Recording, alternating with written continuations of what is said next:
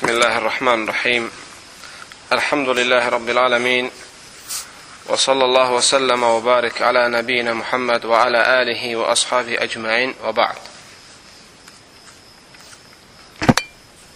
Elmi dərslərimiz, elmi faydalar dərslərimiz davam etməkdədir Allah talan izni ilə. Bugünkü dərsimiz yuxunun ədəbləri, ərkanları və yaxud yuxu ilə ilgili elmi faydalar. Birincisi odur ki, müsəlman gərək yatdığı zaman sünnədə sabit olmuş duaları oxusun. Birinci ədəb budur.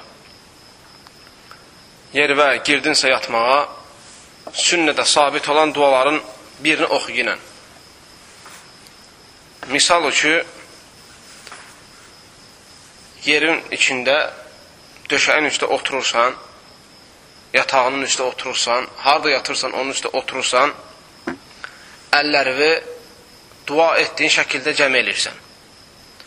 Və qul huvallah, fələq nəs surələrini oxuyursan, sonra oxuyub qutardıqdan sonra ovcuyun içinə nəfəsini verirsən, üfləyirsən, ovcuyun içinə üfləyirsən, bir balaca ağzından adamın su qırıntıları ağzından elə bil ki, necə deyək, ağzında olan insanın e, sel su qırıntılarından ələ bir balaca düşmək e, şərti ilə hətta düşməsə də üfürməyin özü də kifayətdir.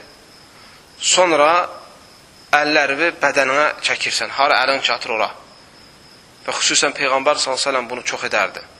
Hətta özü xəstələndiyi zaman, oturub oxuya bilmədiyi zaman Ayşə radiyallahu anhəyə tövsiyə elərdi, o oxuyub Peyğəmbər s.ə.v oxuyardı əlinə üfriyib, sonra Peyğəmbər s.ə.v bədəninə çəkərdi. Və ilk öncə başından başlayır və ta aşağı ayaqlarına qədər. Hara əli çatırsa, əlini ora sürtür. Və bunu üç dəfə eləyir. Yəni, bir dəfə qul vallahu oxuyur, bir dəfə qul əuzu bi rabbil fələq, bir dəfə də qul əuzu bi rabbin nəs.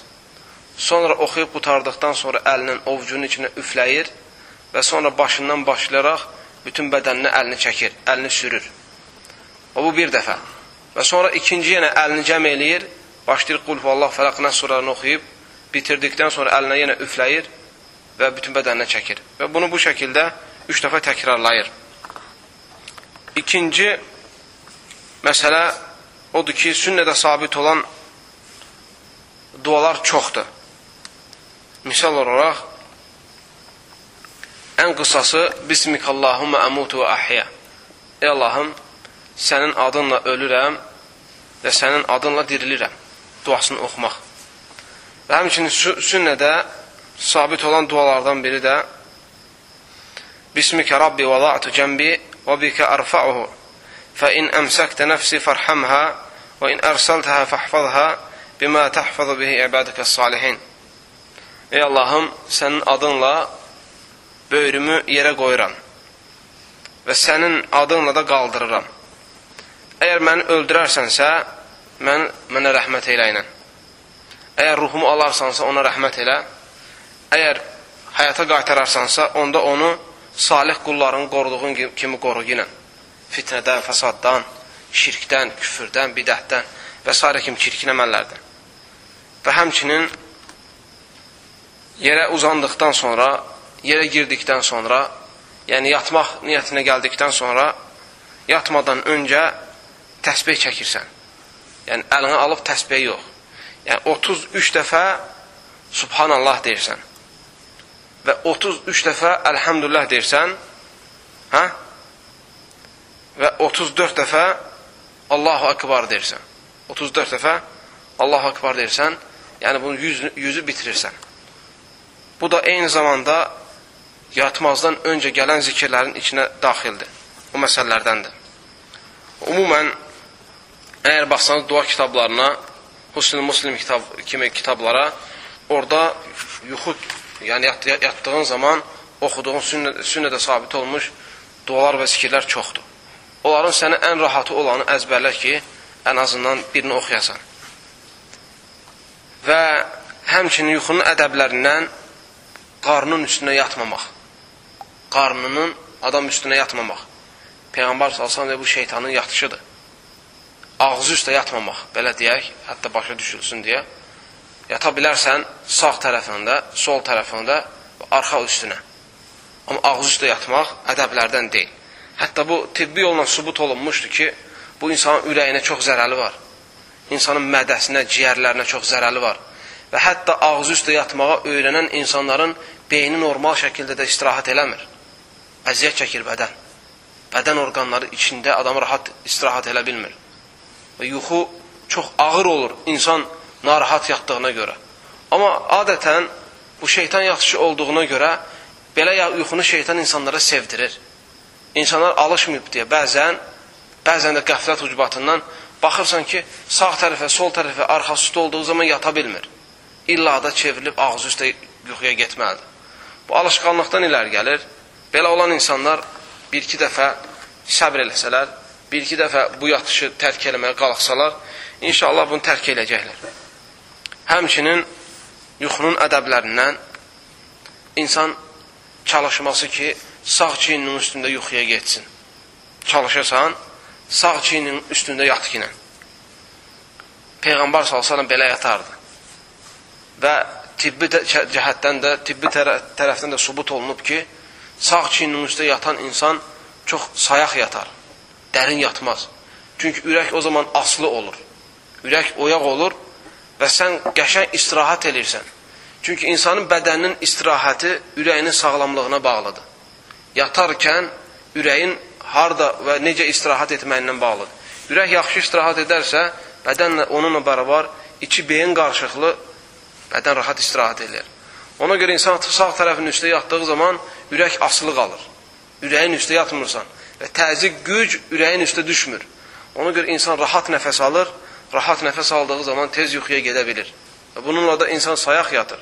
Yəni oyana bilir lazım olduğu zaman tezliklə. Və həmçinin yuxunun ədəblərindən bunlar şərtlər deyil, əziz qardaşlar. Yəni o demək deyil ki, sən illa da belə yatmasan böyük günah qazanırsan. Yəni bunlar ədəblərdəndir. Yəni dində bu şeylər tövsiyə olunur. Həmçinin yuxunun ədəblərindən dəstəmazda yatmaq. Dəstəmazda yatanda mələklər səhərə kimi sənin üçün dua eləyərlər. Ya Rabbi, sən bu qulumu bağışla yine. Günahlarını aff elə ilə. Və onu doğru yola yönəlt yine. Onu qoru yine. Dəstəmazda yatanda insan. Peyğəmbər s.ə.v dəstəmaz alıb belə yatardı. Və sən dəstəmaz aldıqdan sonra, yatandan sonra dəstəmaz pozulsa da, pozulmasa da bunun zərəli yoxdur. Çünki sən insan yatdırsa dəstəmaz pozula bilir. Adətən odur ki, insan yerə girdiyi zaman çalışsın, dəstəmaz alsın. Hətta Peyğəmbər s.ə.v cünub olduğu zamanda, cünub olduğu zaman, yəni səhrə kimi özü bilirdi ki, məsələ səhrə kimi uzadacaq cənabəti və səhər qusul eləyəcək. Hətta onda da belə gedərdi dəstəmaz alardı, gələrdi elə yatardı. Adətən bu insanın üçün həm təmizlik, fakirlikdir, həm də yuxudan qabaq ya, dəstəmaz alıb, insan əlini üzünü su çəkib, yəni dəstəmaz alıb yatması insanın xoş yuxuya getməsinin səbəblərindəndir. Və bu adətən insanlar elə bilir ki, üzə soğuq su çəksən, üzə də dəstəmaz alsan, sənin yuxun qaçır.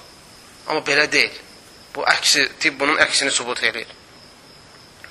Və həmçinin yatmağın və yaxud gecələməyin və yaxud yuxunun ədəblərindən yatdığın zaman çalıq su içdiyin qabın ağzını örtkinə. Açıq qoyma. Çünki sünnədə gəlmişdir ki, göydən bəla gəlir, xəstəlik gəlir və gəzir. Aydındırmı? Və açıq qablara dolur. Və bundan da əlavə eyni zamanda sənə zərər verən şeylər sən içdiyin qaba girə bilər. Həşərat düşə bilər suyun içinə. Eyni zamanda suyun içinə toz qona bilər və insanın sihhəti və sağlamlığı üçün zərər verən şeylər ola bilər.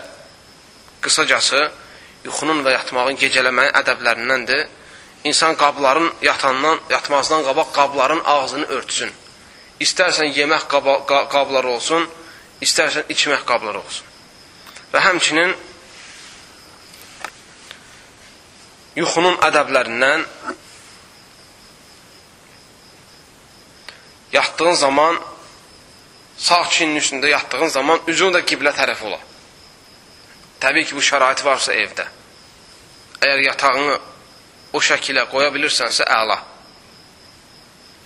Ki, həm sağ, sağ çinin üstü olasan, həm də üzün qiblə tərəf ola. Bu ən, ən doğrusu budur. Həmçinin yuxunun ədəblərindən, gecələməyin ədəblərindən yatdığın zaman odu söndürmək. İnsan odu yana-yana qoyub yatması sünnədə qadağan olmuşdur. Çünki sahabalardan biri şeytan nədən yaranıb?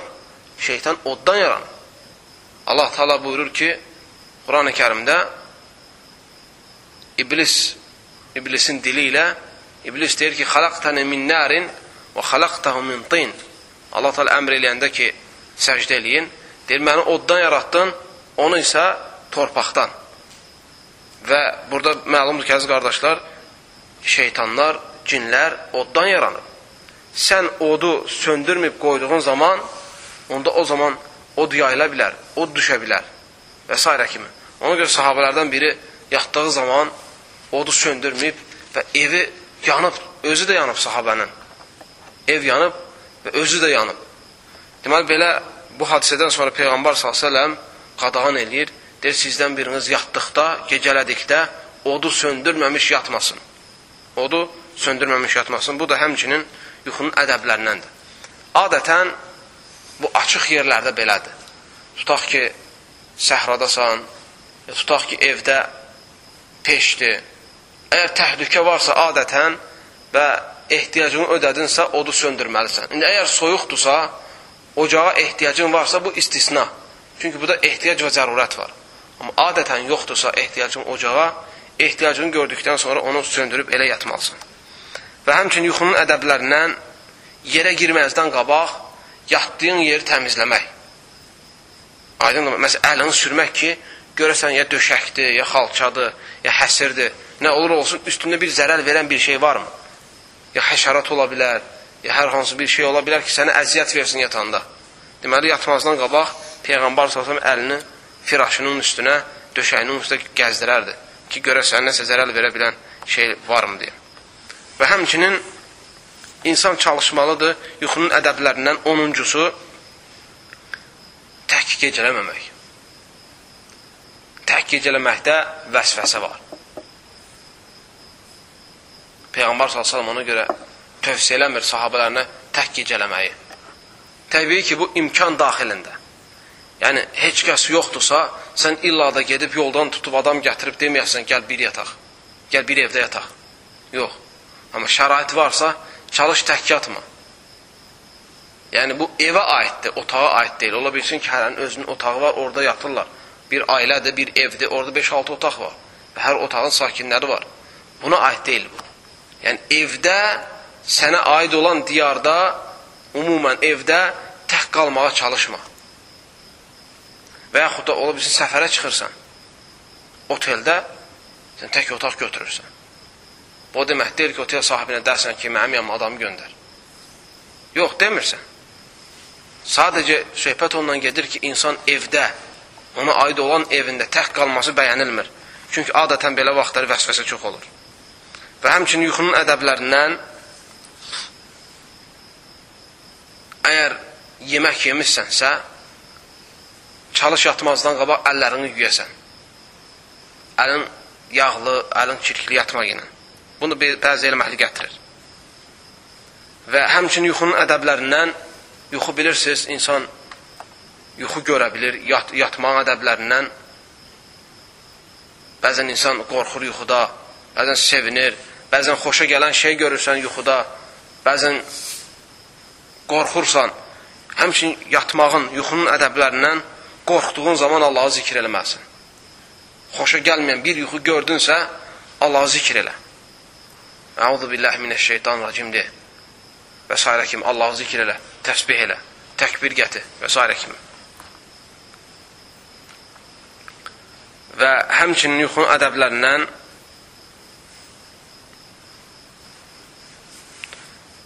e, bəzi elm əhli gətirir, arxası üstə yatarkən, arxası üstə yatarkən ayağını ayağının üstə qoyub yatmamaq. Bu, təbii ki, əziz qardaşlarım, e, ölkədən ölkəyə bu qadağanda fərq var. Bəzi ölkələrdə insanlar izar geyinir, izar. Şalvar geyinmirlər. İzar nədir? Köbəkdən aşağı topuğa qədər bir parça, belə deyək, bir parçaya par parçadan olan bir şeydir. Onu bədənlərinə dolayırlar.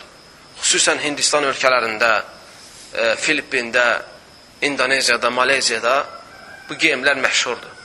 Və yaxud istəyirsən əba ərəf, ərəf geyimləri olsun. Həmçin Yəməndə də bu şey məşhurdur. O izarla gəzmək, izarla yatmaq. Belə hallarda əgər adam arxası üstə ayağını ayağının üstə qoyub yatarsa, adətən ehtimal var ki, onda insan övratı izhar olunsun, öv övratı görünsün. Belə olduğu halda o cür yatmaq qadağandır. Amma adətən dediyimiz kimi əgər e, insan övratın açılmağından, əm, açılmamağından əmin olarsa, onda o zaman elə yatmağında heç bir sıxıntı yoxdur. Elə yatmağında heç bir sıxıntı yoxdur. Bu, bugünkü dərsimiz bu qədər. Allah bizə işte faydalardan etsin, ədəbləri, ərkanları gözəl şəkildə yerinə yetirənlərdən etsin. Və sallallahu və səlləm və barik alə nəbiyyə Muhammed وعلى آله وصحبه أجمعين.